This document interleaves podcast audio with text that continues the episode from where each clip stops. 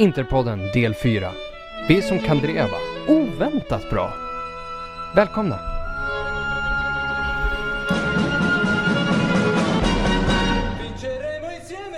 Jajamensan, vi är tillbaka efter en veckas litet smärre uppehåll, men vi har ju fortfarande en ordentlig seger mot Bologna att eh, diskutera idag.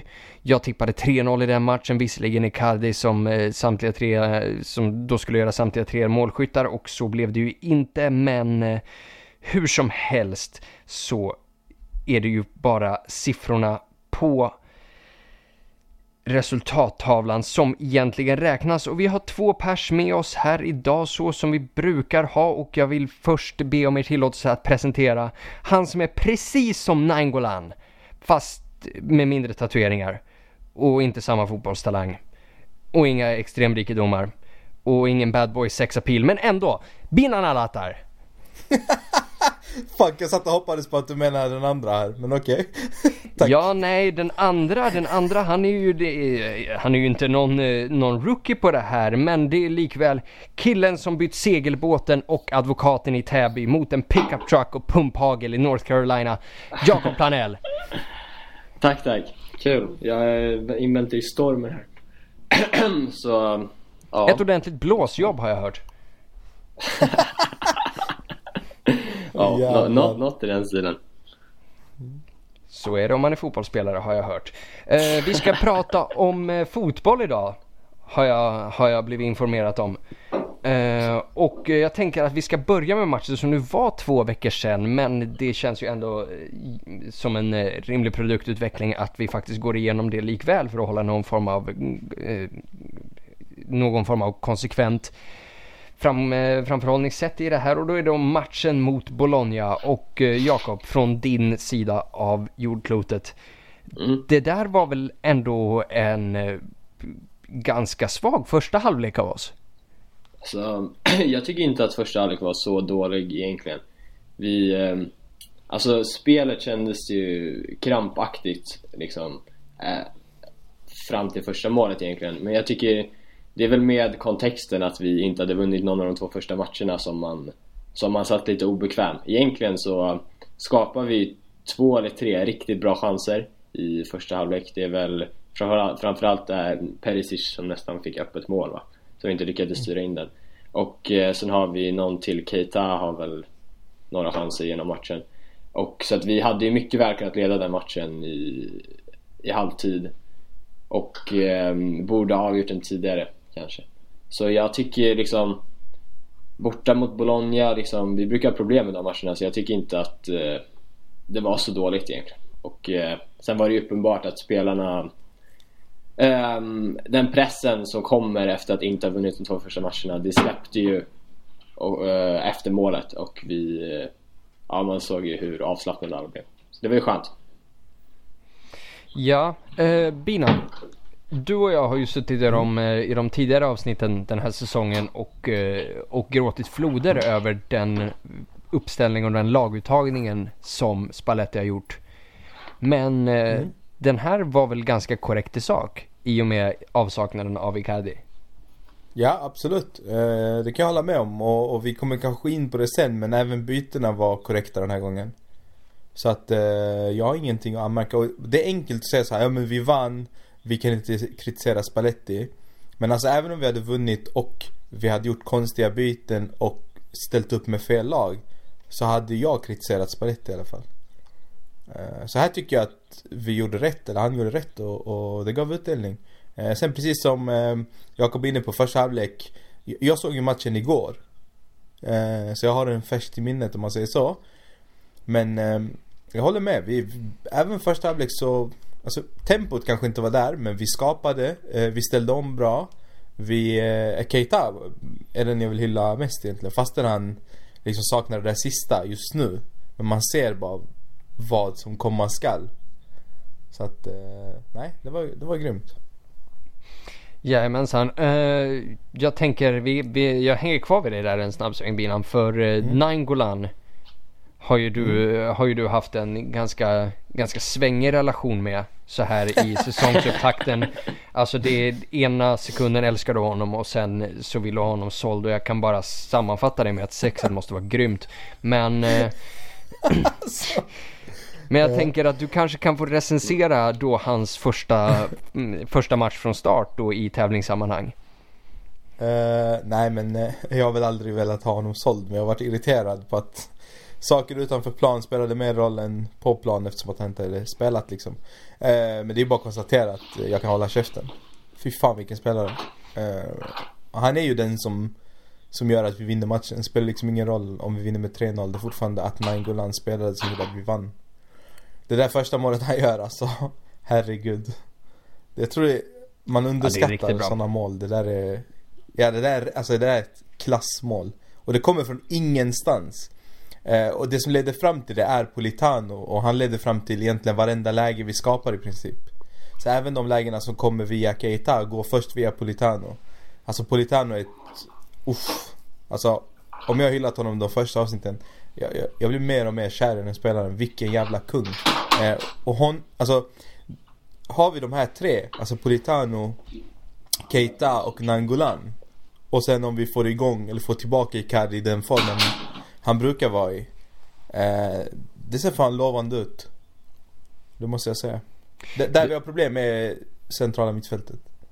Ja det håller jag verkligen med om och jag tänker att framförallt det vi såg av Nangolan i den här matchen ser jag verkligen som verkligen det, precis just det som vi värvade honom för. Att jag ser inte nödvändigtvis att Nangolan ska behöva bära oss framåt och ge oss vinster mot lag som Tottenham eller Juve eller Barca eller vad det nu blir. Utan snarare att bryta dödläget i de här absoluta skitmatcherna för, och där tänker jag passa bollen till Jakob för Jakob, alltså vi har ju sett att italienska lag spelar defensivt. Vi har sett Catanaccio fotboll men, men allvarligt. Vad fan höll Bologna på med? Alltså det... Hur ja. kan man vara så defensiv? Ja, det är sjukt eh, frustrerande vi har haft problem i flera år att, eh, att ta poäng i de här matcherna. Eh, så...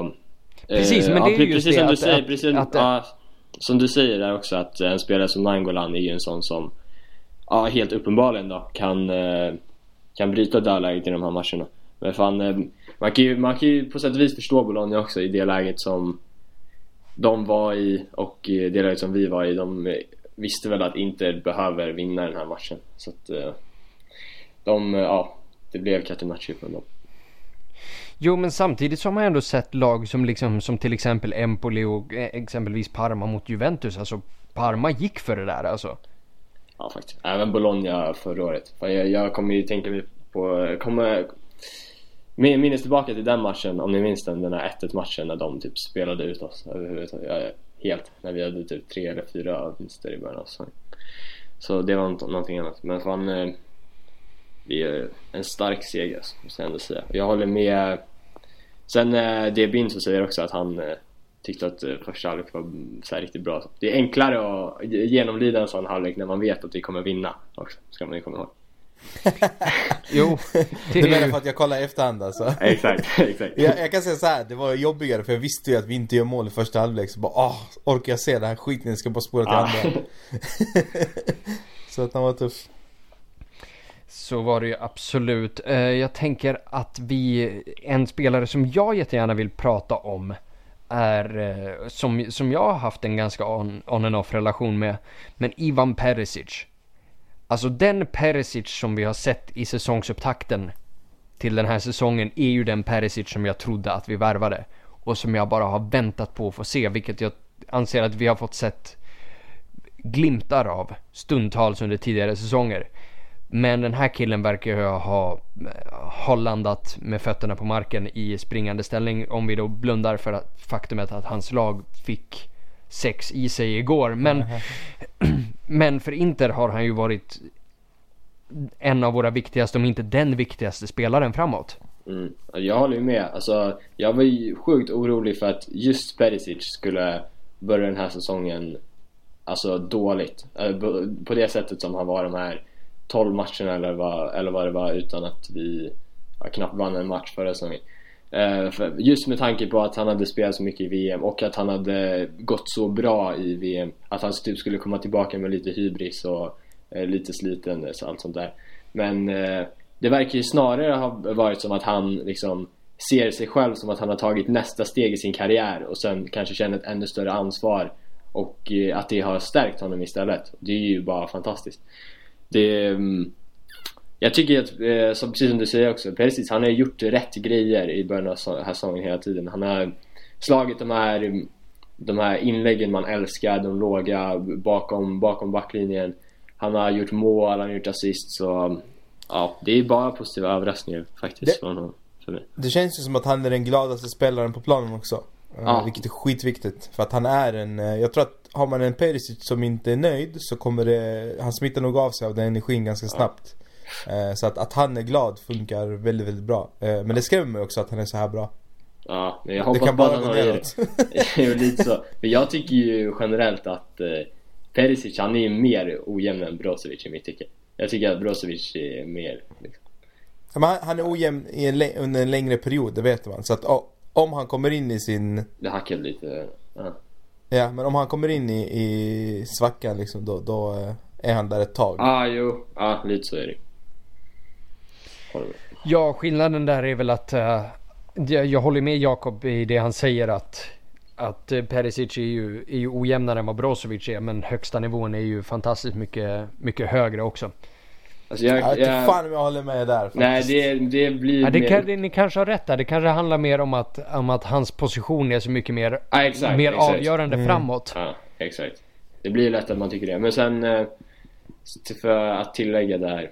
Eh, ja exakt. Eh, att Brozovic kanske är lite mer att han kan göra i matcher liksom. Kan han ena sekunden dra in den i krysset och nästa sekund slå bort en passning på mittplan så att motståndaren nästan gör mål. Sådana grejer kanske.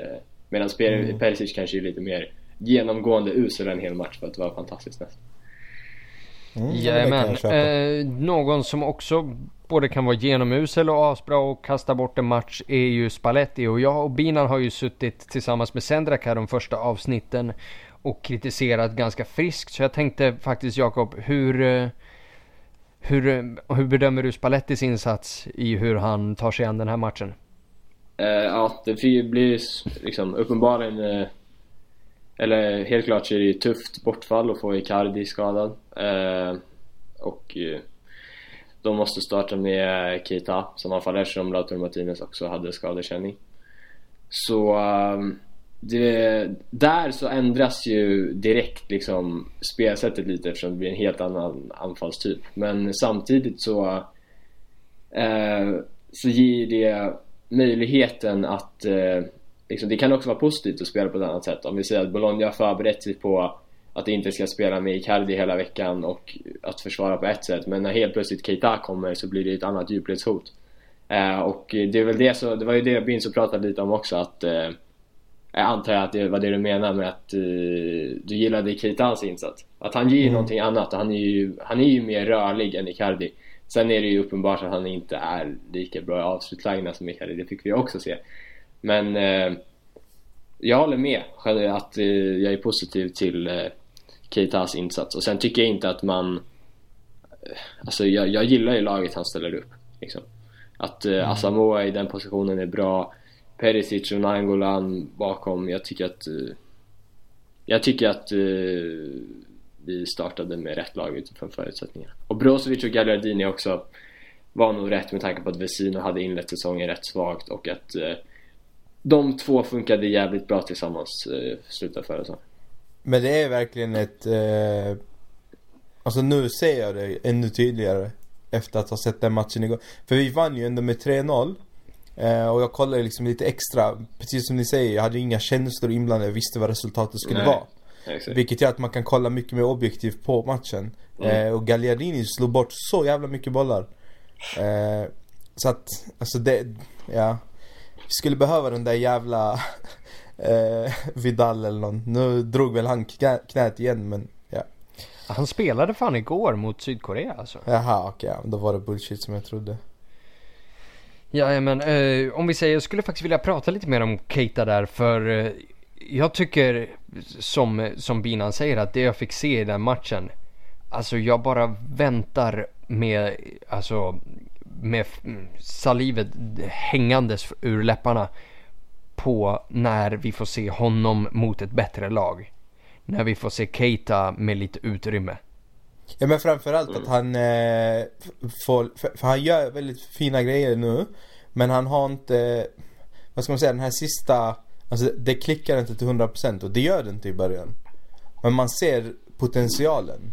Eh, och då snackar jag inte potential som att en, eh, man såg potential i Coutinho liksom, att han var en ung talang. Utan mer att du ser att han kan och han förstår exakt vad han ska göra. Men just nu vill han det lite för mycket. Eh, så att det, så här, eh, han har inte kylan som krävs. Så fort han får den så, wow alltså. Nej men jag, jag, tänker mer att alltså, i en match mot Bologna så hamnar du ju som, eh, som offensiv spelare så hamnar du ju nästan konstant i numerärt underläge och det, det är trångt som fan. Jag tänker ett omställningsläge mot Tottenham i en en mm. mot en situation med en kille som, som Fertongen eller Anderweil. Alltså det där, där är det jag vill se Keita. Mm. För jag inte bara är han snabb utan alltså det är ju en bufflig jävel alltså. Mm. Ja, jag håller med Hampus där att uh, Keita är verkligen en sån spelare som kommer... Han... Uh, det kanske påverkar honom mer än andra när lag spelar så här lågt eftersom hans spets är ju... Uh, att driva bollen med fart och liksom ta sig in i tomma ytor medan... Uh, uh, ja, kanske till, liksom en sån som Icardi är lite mer att han eh, ja, så här lurpassar mellan försvararna.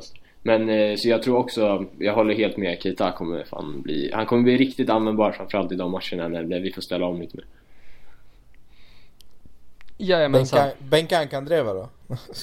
precis, jag tänkte att vi, precis, jag tänkte nu att vi skulle kliva över här till Kandreva och den tänker jag givetvis passa till dig Binan. För eh, jag, jag, kommer inte ihåg, jag vet att du har sågat men samtidigt gillat honom och nej, jag, jag har bara sågat och... Ja, alltså... Nej, alltså. Uh, nej men alltså, svårt att kunna säga någonting. Kandreva, man har ju, eller jag har ju försvarat honom ett tag, eh, ogillat honom ett tag men ändå mest så försvarat. Och ja, han kommer in får en bra boll, eh, gör det väldigt enkelt och sätter den i mål liksom. Eh, inte svårare än så. Ja, fast svårare än så var det ju bevisligen hela förra säsongen när han inte kunde göra, när han inte kunde göra det där på 37 matcher. Och vad gjorde han det på nu? 6 minuter eller något sånt där? Ja, men precis det jag menar liksom att, att jag tror att det är den här rollen han ska ha i ett sånt här lag. Alltså kom in när det redan är ganska okej okay, alltihopa. Så äh. hans roll är att komma in när vi har ett överläge mot ett bottenlag. Ja, alltså det, det, den, det, det är det han fick liksom, förmodar jag, eh, reda på redan under sommaren. Så om du stannar så kommer du sitta på bänken, du kommer hoppa in någon match liksom. Men eh, för att vi ville ju byta honom mot Keita. Han vägrade. Ja. Så att eh, om han trivs i den här rollen och han kan bidra med säg 5-6 mål på en säsong. Eller eh, hålla en ledning eftersom att han ändå är en arbetshäst. Så jag ser inga problem med det. Nej, alltså och utöver målet, jag tyckte han gjorde en helt okej okay insats. Alltså han utmanar ju spelare, ja. får till något inlägg här och där, tar sig förbi sin markering i vissa lägen också. Och, och det gjorde han ju även förra året, måste man ge honom. Problemet var då att han var för viktig. Ja, alltså det... han, han, han behövde bidra med mål. Nu behöver han inte göra det på samma sätt. Det jag, men, det jag pratade lite om i början också när jag gick igenom matchen var att det kändes som att eh, liksom eh, det släppte jävligt mycket för många spelare efter, efter målet. Och för Kandreva så såg man ju verkligen hur fruktansvärt mycket det släppte för honom personligen efter att han gjorde mål. Han började ju klacka och grejer och liksom han, han Alltså, det blev ju en helt annan spelare. Så uh, man fattar ju, alltså det blev ju extra tydligt, det, var, det pratade vi om redan förra säsongen hur liksom, det här har satt sig i hans huvud och självförtroendet är liksom förstört lite. Och, uh, men man såg ju på honom nu att det här, det släppte så att uh, jag tror, jag tror ju, det har jag sagt lite innan också, men jag tror att Kandreva han, han kan ju verkligen fylla en roll i truppen. Och det verkar ju som att han kommer acceptera att sitta på bänken också. Men eh, fan det var någonting jag skulle, just det, det här med klackningar, kul att du tog upp det. Eh, för det är också en sak som jag eh, reflekterade över igår. Han var inte den enda. Eh, han fick nog mest cred för det för att det var mest oväntade och situation som blev väldigt snygg. Men, jag, ty jag eh, tycker, Bina jag måste bara avbryta och säga att jag tycker det är fantastiskt att du refererar till en match för två veckor sedan som igår. Ja just det. ja men jag sa jag såg det igår. eh, nej men det var flera som klackade sig fram och spelade på väldigt små ytor och lite mer teknisk fotboll. Eh, och den är ju jag svag för. Så att, eh, och det, tyder ju på precis som Jakob var inne på i början där. Ja, det är Man, självförtroende. efter, efter 1-0 så släppte det liksom. Ja.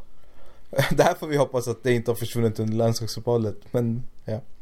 Jajamensan, vi kommer prata lite om landslagsuppehållet. Dock så vill jag bara säga till dig Binan att du tippade 1-0 med mål av Andrea Poli. Vad bra, då ska jag tippa något liknande mot Parma. Det låter bra. Eh, innan vi går in på Parma där, om det inte är någon som har någonting ni vill tillägga? Nej, egentligen inte. Nej, perfekt. Nej, alltså det, det som är bra, vet du, okej, det vill tillägga, nu har Spalletti fått lite andrum. Eh, han var väldigt kritiserad, väldigt utsatt. Eh, så att det kanske kom lägligt med ett landslagsuppehåll. Och sen så hatar vi landslagsuppehåll, men en paus kom nog rätt lägligt.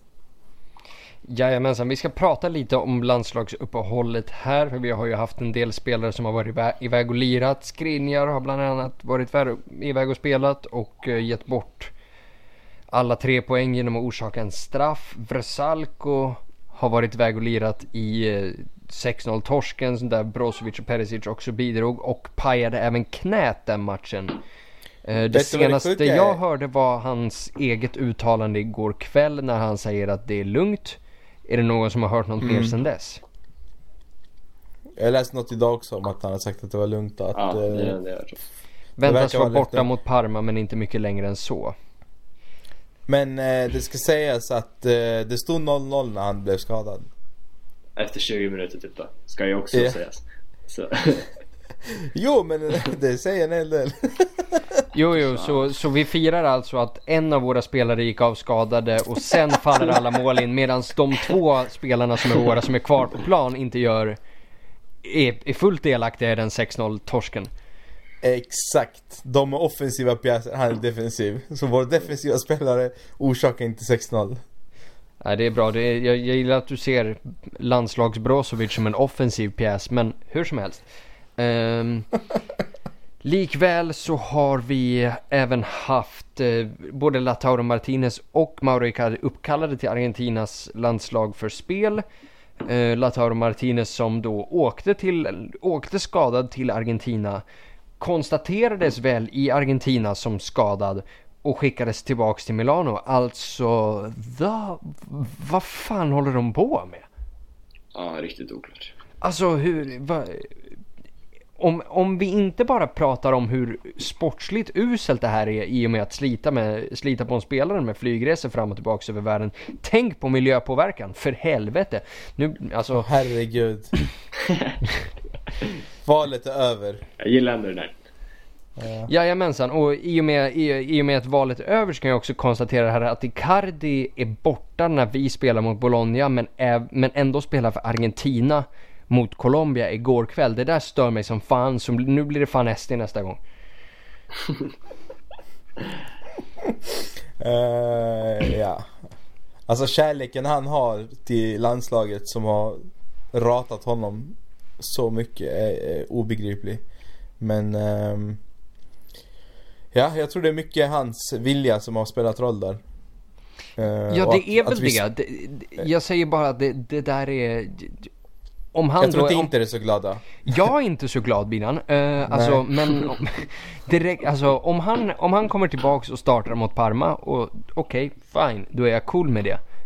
Men, men om han kommer vi. tillbaks och bara, "Ah, jag känner mig lite sliten, alltså jag kommer ju skaka honom alltså. Det, Mm. Vilket lät som ett hårdare hot i huvudet än vad det faktiskt är, men alltså. Hampus kommer dit och skakar dig, våga inte. Ja, precis. Eh, utöver, eh, utöver landslagsuppehållet så finns det också en elefant i rummet som jag tyck, som vi har undvikit att prata om under de Erik senaste Hamrén? veckorna. Ursäkta? Erik Hamrén eller? Nej? Eh, in, inte så jättemycket faktiskt, men vi kan prata om Erik Hamrén om du vill. Eh, vad tycker du om hans hår? Nej men han, Jag vet inte, får jag bara, Jag får jag bara passa ut, får jag bara passa ut det här till alla våra lyssnare. Om det är någon av er som har sett Torkel i knipa, ser inte Erik Hamrén ut precis som vikarien i Torkel i knipa? Oj. Googla eller se filmen om ni inte, om ni inte har sett den innan. Eh, Det är, det är en rolig timme av ert liv som ni kommer uppskatta. Eh, Men elefanten som jag faktiskt eh, initiellt tänkte på är nu killen som leder skytteligan i Brasilien. Våran Ja, kanske jo. sämsta värvning genom alla tider som helt som igen verkar vara en fotbollsspelare. Gabriel Barbosa, alltså um, vad tänker ni boys? Vi har, vi har suttit och kastat 9 ton konstgödsel här över honom. Men det här är väl någon som, om han inte kan bidra till laget, kanske i alla fall kan generera lite pengar. Han lär ju inte, lär inte generera så mycket pengar som vi köpte honom för. Men eh, det, det här kanske gör att någon vill köpa honom. Så eh, att bli av med hans lön hade ju varit fint och kanske få några kronor tillbaka. Jag, Nej, jag jag, jag, inte. jag Alltså- har inte satt mig i, i, eh, i en position att jag vill ha tillbaka honom till Inter. Då, det, det krävs nog mer. Ja, nej, nej, alltså det, det vill inte jag. Alltså han kan ju hänga Nej. 50 mål i Brasilien, men bara för skammen att man ska behöva, alltså fatta om Ja, han skulle komma tillbaka och peta Icardi och liksom bli en av världens bästa anfallare, vad man, vad man skulle få skämmas hela livet för det. Men Kanske inte därför. Alltså jag, jag kan ju säga så här, jag hade ju inte skämt om han kommer tillbaka och, och visar sig vara bättre än Icardi. Nej, Jag hade ju också, jag, jag hade ju välkomnat det också men det hade bara jag, jag tror ju inte att han skulle bli det så det är mest därför jag inte ha tillbaka honom Nej, Nej. alltså vi, vi har ju, så dåliga är vi inte att vi inte kan se när någon är dålig. Alltså, han är ju dålig. Eh, vem leder skytteligan i Allsvenskan? Det är typ lika viktigt. Alltså det spelar liksom ingen roll om han leder skytteligan i Brasilien. ja, nej men då fick vi... Hämta, eh, alltså, eh, nej men helt ärligt, alltså ta, ta, ta tillbaka honom till Italien då. Sätt han i vilken jävla klubb som helst. mm, Du hade också velat se honom i Europa någon Ja. annanstans Och visar han sig vinna skytteligan där eller göra 10 mål, ja men då är han aktuell för Inter. Ingenting annat. Alltså han är inte aktuell oavsett om man gör 100 mål i, i Brasilien. Vi har ju redan ersatt honom också liksom Med Lautaro så Ja, jo, Ja. det är också onekligen sant. Eh, är det någonting annat som har hänt interväg de senaste veckorna? Det är väl inte det direkt.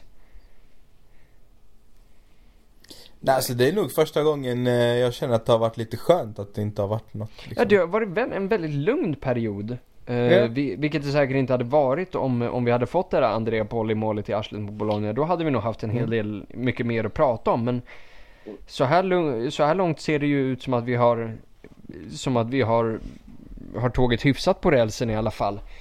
Eh, Så då kan vi ju knata vidare till nästa potentiella urspårning av det där tåget då. eh, Som jag gissar att Gervinho säkert skulle stå för. Då Inter Parma på lördag klockan tre, eller hur?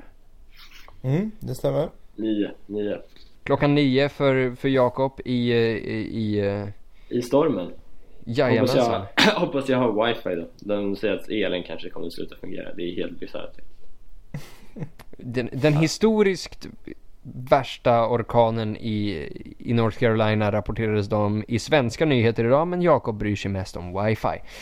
Um, vilket, jag, vilket jag stödjer till 100% givetvis. Ehm, Tack, tack Ja.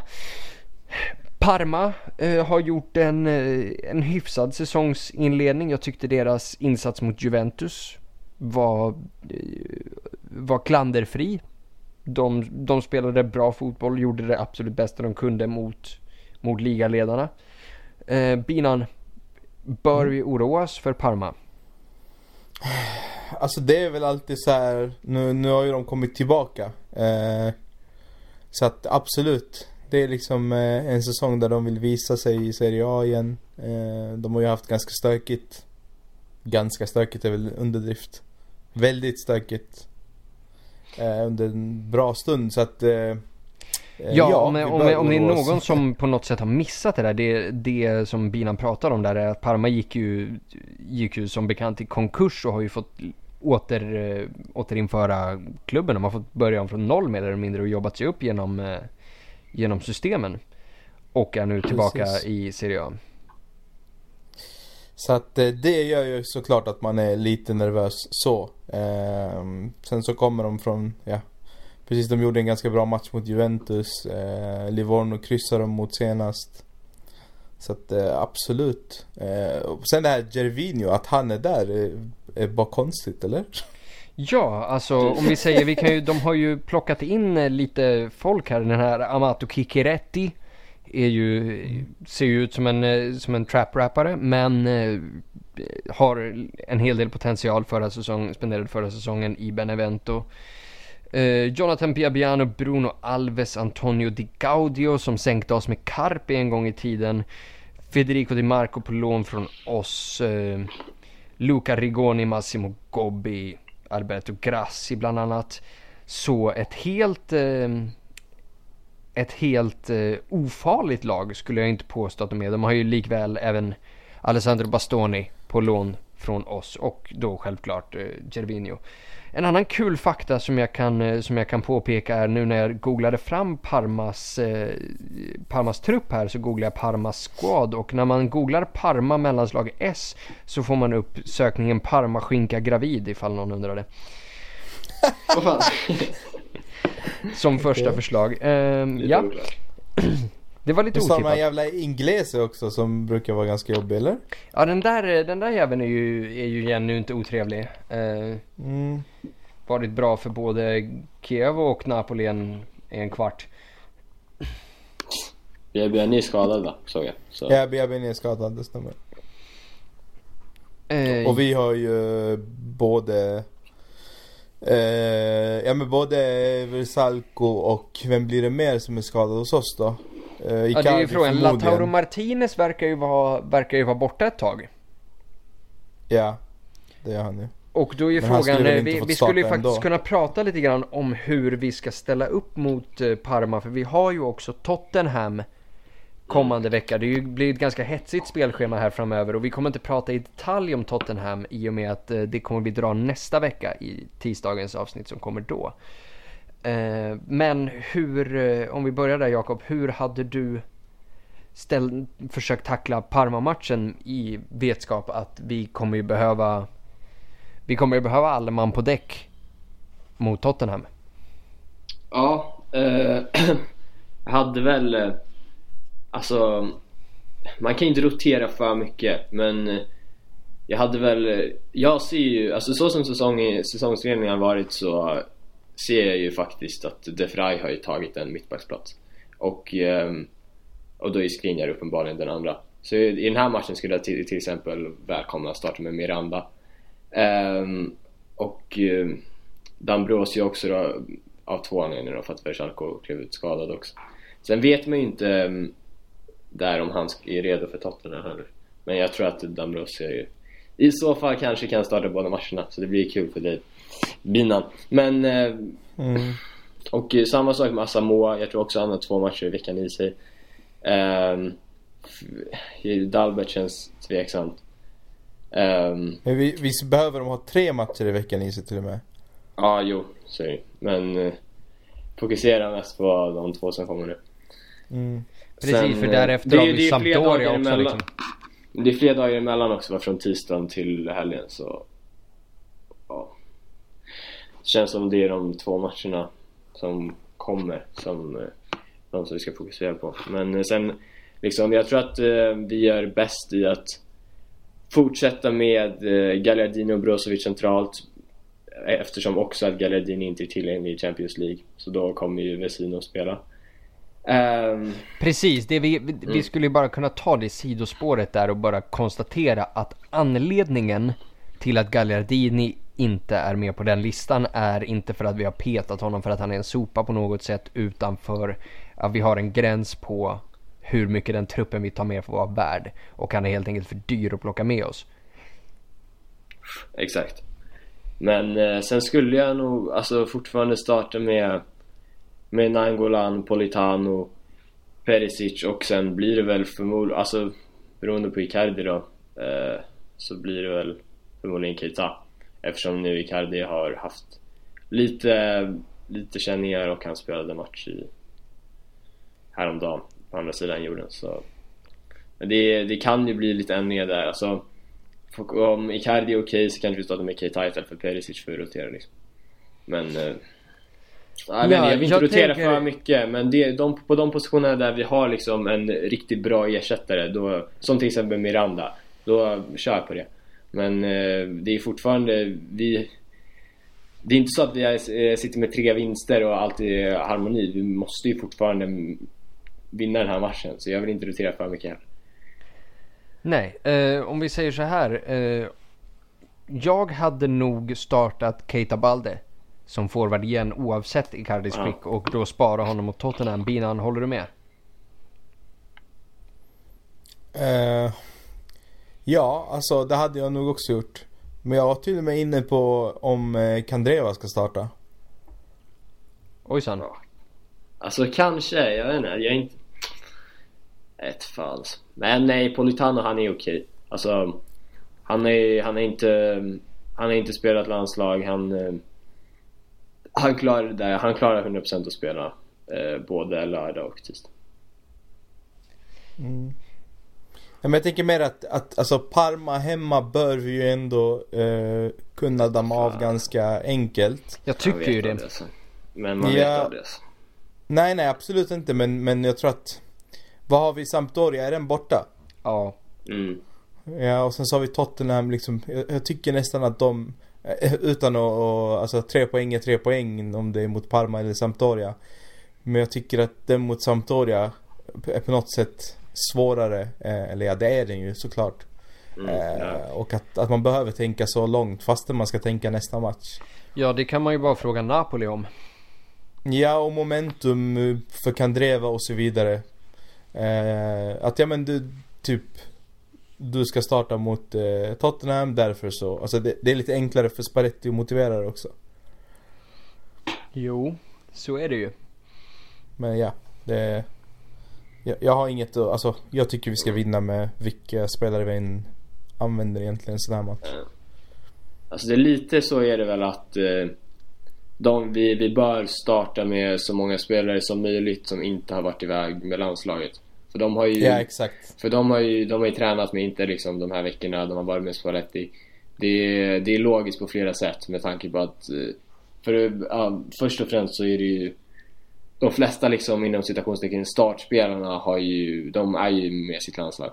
Så um, då får de eh, kanske färre minuter i den här matchen för att vara 100% mot Tottenham. Och eh, samtidigt som jag sa, de här spelarna de har, de har ju förberett sig för den här matchen nu i två veckor. Så de borde vara liksom Ja de är ju jävligt lämpliga att spela på många sätt. Mm. Ja men vad tror vi rent resultatmässigt då? Eh, alltså nu vill jag ju tippa på förlust bara för att eh, det ska bli vinst. Men eh, nej jag, ska, jag tror på 2-0. Mål av? Eh, Politano och eh, då säger jag Icardi för jag Han la precis upp bilder på Instagram där han typ eh, är uppe i luften och sparkar upp Alltså det ser ut som att han är värsta Han ser inte skadad ut om man säger så Nej men det är väl, eh, det är väl skönt att höra. Han, han gjorde ju ändå 85 minuter där mot uh, Colombia i 0-0 matchen. Ja, då, alltså, då ska man ju förutsätta att han startar. Det finns liksom ingen annan. Ja, ja det är ju om man vilar honom mot Tottenham i sådana fall. Ja fast det, det, är inte en spelare vi ska vila. Alltså... Nej, det, jag känner lite så också. Och samtidigt så vill man ju få igång hans målproduktion den här säsongen liksom. Så att eh, jag, ja, tror, jag tror inte... Han, han, han, inte han, han, han lär nog inte själv vilja vila den här matchen liksom. Hemma mot Parma. Han, han vill nog bara göra två mål liksom. Så här. Komma igång. Så som han alltid gör. Ja, ta ut honom. Så... Ta ut honom efter en timme. Jo, exakt. Jag, jag, alltså, jag ska vara ärlig, jag ser nog det som det mest troliga faktiskt. Att eh, vid ledning så byter vi ut honom. Vad säger du Hampus? Uh, ja, vi om Resultat. huruvida vi ska starta i Cardi eller inte? Nej, resultatet tänkte Resultatet. Uh, ja. nej men låt oss säga en eh, 4-1. Oj. Eh, och då tänker jag kanske, ja. En av, Kan det vara hattrick? ursäkta? Kan det vara hattrick eller? Nej, nej, jag tror fan inte Kandreva kommer få spela. Alltså, för jag har en liten sån här bubblande oroskänsla. Där jag tror att han kommer få spela mot Tottenham från start. Kanske. Mm. Kanske. För att då liksom, ja, för att för då hans defensiva kvaliteter. Så jag tror att han kommer, jag tror inte han kommer lira mot Parma. Så jag säger ett mål av Perisic. ett av eh, ett av I- Icardi och två av Keita Balde då. Och eh, sen, ja. Vi får väl, eh, ja men jag drar väl till med Amato Kirkeretti. Som målskytt för Parma. en rolig, en, en rolig sidogrej här då. I Forza-appen, om man går in på Inter så står det säsongens viktigaste spelare för Inter. Eh, där är fan Kandreva med. Okej. Väldigt På, på vilka grunder? Men jag tror att de, nej men förmodligen att de går på antal spelade minuter och vad han har bidragit med. Alltså, nej, det är ju... Det är ju folk som röstar. Alltså, så folk har Men väl det är bara röstat på honom för att han gjorde mål. Liksom. Det låter ju helt Men bisarrt. det måste ju vara Nej, men det det trollröster alltså. Eller alltså det är, jag ska vara ärlig, jag tror inte att det är jättemånga. Det är, det är en svensk app för det första också. Så det är inte...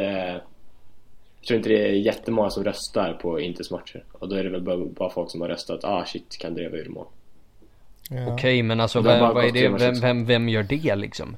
Om man inte så följer Inter och, och har koll på att Kandreva är absolut inte någon form av kugge i det här laget. Alltså vem går Folk in tycker och... väl att det är kul att rösta. Jag vet fan.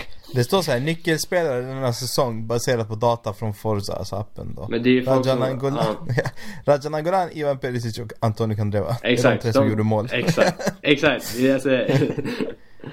Men, ja. Ja nej hörni jag måste faktiskt ta och eh, ta ändra min målskytt där från Kirkeretti till just eh, Federico Di Marco, våran, eh, våran vänsterback som är på lån i Parma. För han hängde nämligen, eh, han hängde nämligen mål här för eh, U21-landslaget. Eh, och så kommer jag ju ihåg att han tar ju fan frisparkarna där. ja. Så det känns ju, det känns ju som Som något som faktiskt skulle kunna hända oss. Jakob, har du tippat något resultat? Nej, men jag säger... Jag säger att vi vinner 3-1. Men att det inte kommer vara en så riktigt så här bekväm 3-1 seger. Men eh, vi kommer få jobbet gjort och eh, Icardi kommer att göra två mål, ett på straff och eh, Perisic gör ett. Och eh, för Parma så... Det enda man kan vara säker på är att det är någon, eh, någon av de här jävlarna man känner till lite kommer göra mål. Så förmodligen Jervinho. Jajamensan, jag satt ju och tänkte på om man bara skulle så här, betta all in på den matchen för att det känns ju som att vi ska ha det men man bettar ju aldrig all in mot Gervinho. Man vet ju aldrig vad som händer med den där jäveln, eller hur? Fan, jag... Känns som Parma har fått resultat mot oss generellt mycket historiskt. Så... Ja, jag kommer framförallt, kommer framförallt ihåg en, en match som gick samma, samma dag som jag hade min studentskiva när, eh, när vi torskar stort mot dem. Jag tror att det är. Giovinco, det är 2000, eh, det är säsongen 2011, 12 tror jag. Ja, ah, just det. Det var när vi hade Stramaccioni. Slutet av den säsongen. Jag kommer ihåg det då. Jag tror att det var då våra... Det var, det var sent, men att det var så här.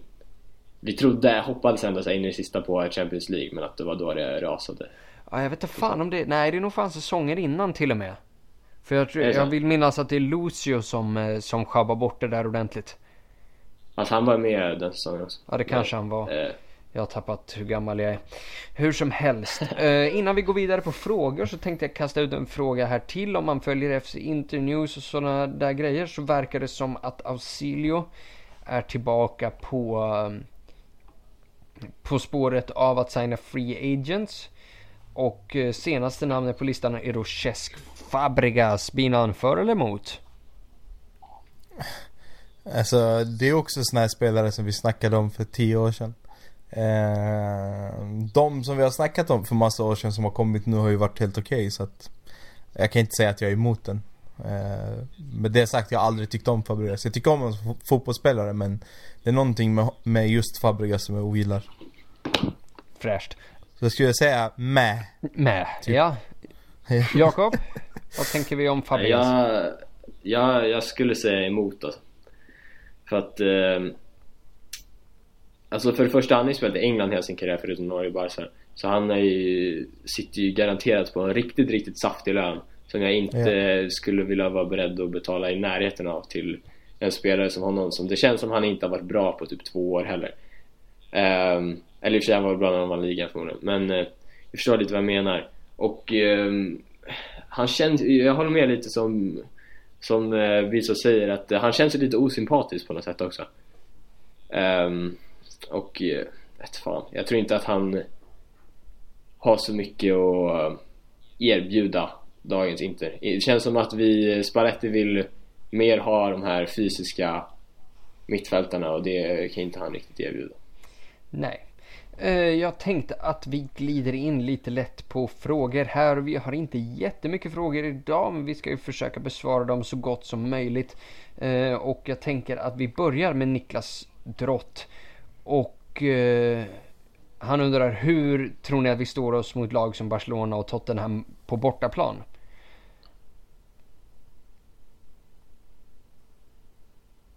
Ja, uh, vem, uh, vem ska ta den? Ja, vem, eh, vem känner sig, vem känner en liten pirring i magen? jag, vet. Uh, jag kan ta den. Kör. Alltså jag tror att, alltså vi brukar ju generellt sett vara ganska bra mot bra lag. Eh, och jag tror att vi kommer in med rätt inställning också. Alltså, jag tror inte vi åker till Camp Nou för att vinna matchen. Eh, det låter skitdumt. Det är klart att man ska tänka att man ska vinna den men jag tror att vi, vi åker dit med liksom tanken att men vi tar det här på San Siro. Eh, och jag tror att det passar oss ganska bra om vi åker dit och är ett italienskt lag. Och spelar den typen av fotboll som ja, men spanska lag har svårt för. Eh, så att, eh, och det kan också göra att, att vi får de här omställningsmöjligheterna som gör att till exempel som vi var inne på tidigare då Keita kommer loss eller Politano kommer loss och, och, och gör någonting som är oväntat. Så jag, det är de här matcherna jag ser fram emot mest. Ja, jag är väl lite inne på samma spår där att alltså för, för Niklas frågade också alltså eh, att eh, inte kan ju vara så som han uttrycker det stundtals i matcher totalt uddlösa och bli överkörda av lag som Sassuolo och Torino.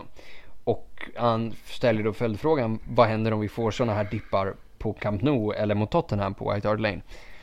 Uh, och jag ser det nästan till som en omöjlighet för alltså om vi tittar bakåt under de senaste fruktansvärda, hemska Kuzmanovic-åren som jag har kommit att benämna dem som så även när vi har varit som absolut sämst och haft liksom lag som man har flabbat åt. Vi har ju aldrig gått ut mot ett lag som är bättre än oss och blivit piskade upp och ner. Det är väl möjligtvis 3-0 derbyt mot Milan när Backa har fest, men... Den jävla Schalke-matchen är ju också jobbig. Jo, förvisso. Men, men ja absolut, alltså jag, jag är med där. Jag... Det är väl någon, där, någon match där mot Juve också som har varit Okej. Okay. Sånt har vi tryckt ner, sånt har vi tryckt ner, ta inte upp det.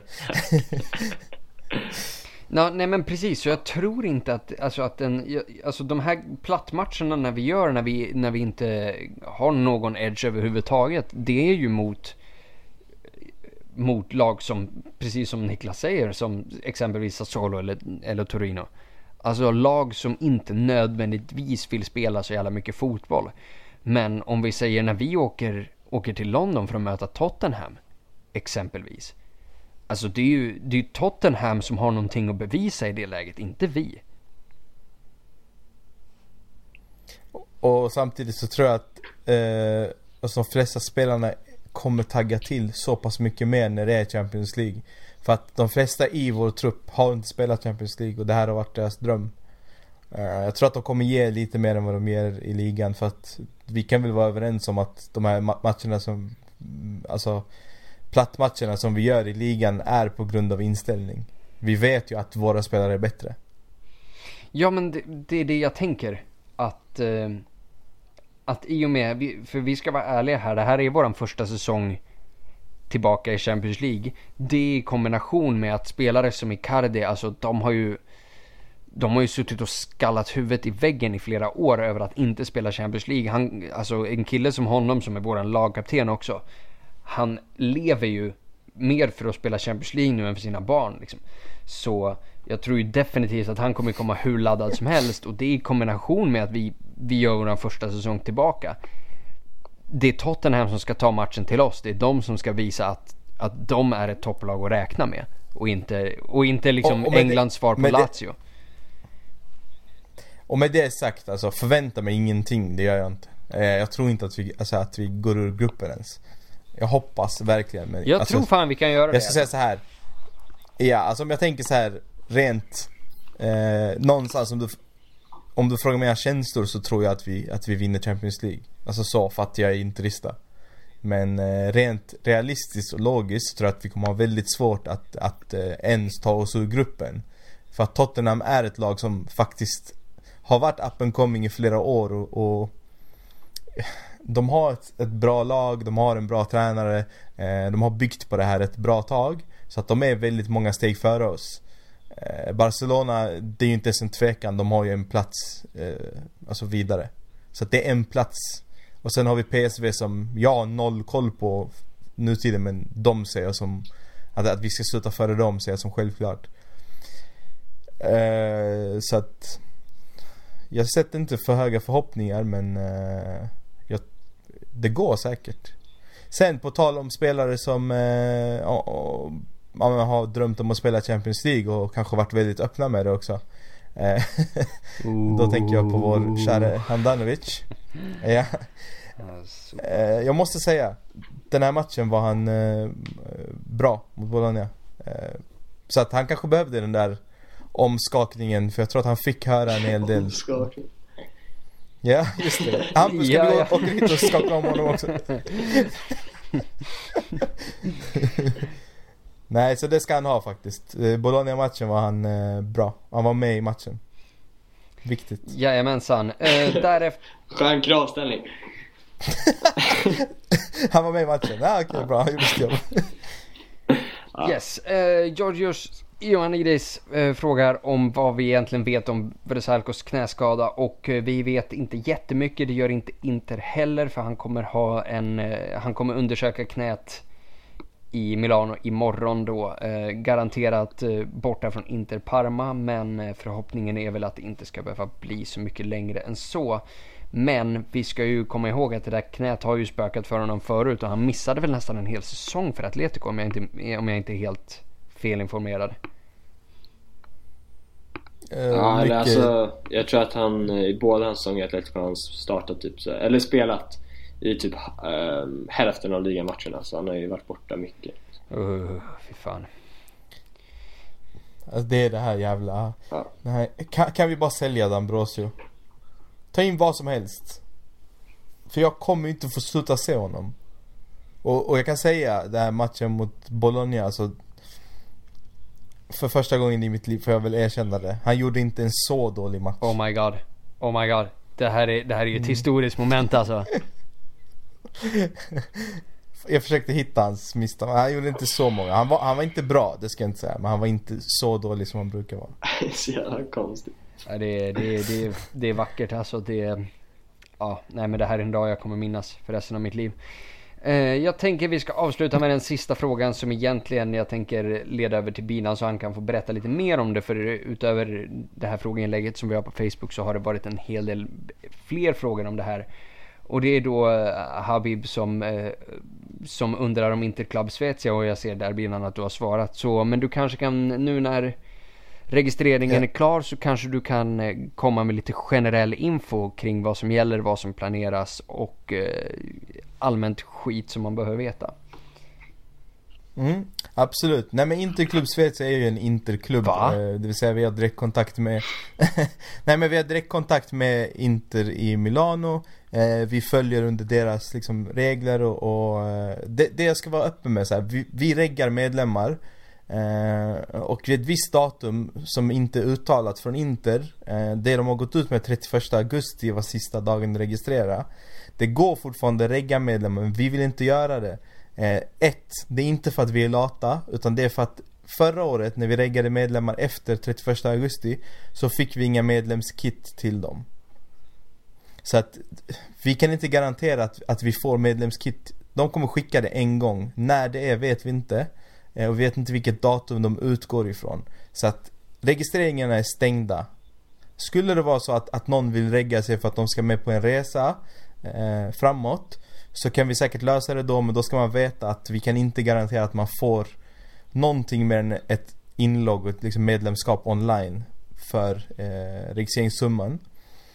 Vi ska göra vår första resa till eh, Milano eh, till Derby, di, ja, Derby della Madonnina då 20-22 oktober. Vi tog, vi skickade ut mail och reggade alla och har köpt biljetter så alla biljetter är färdiga. Eh, Och det stängde vi i söndags. Det är fortfarande vissa som skriver och vill följa med på resan.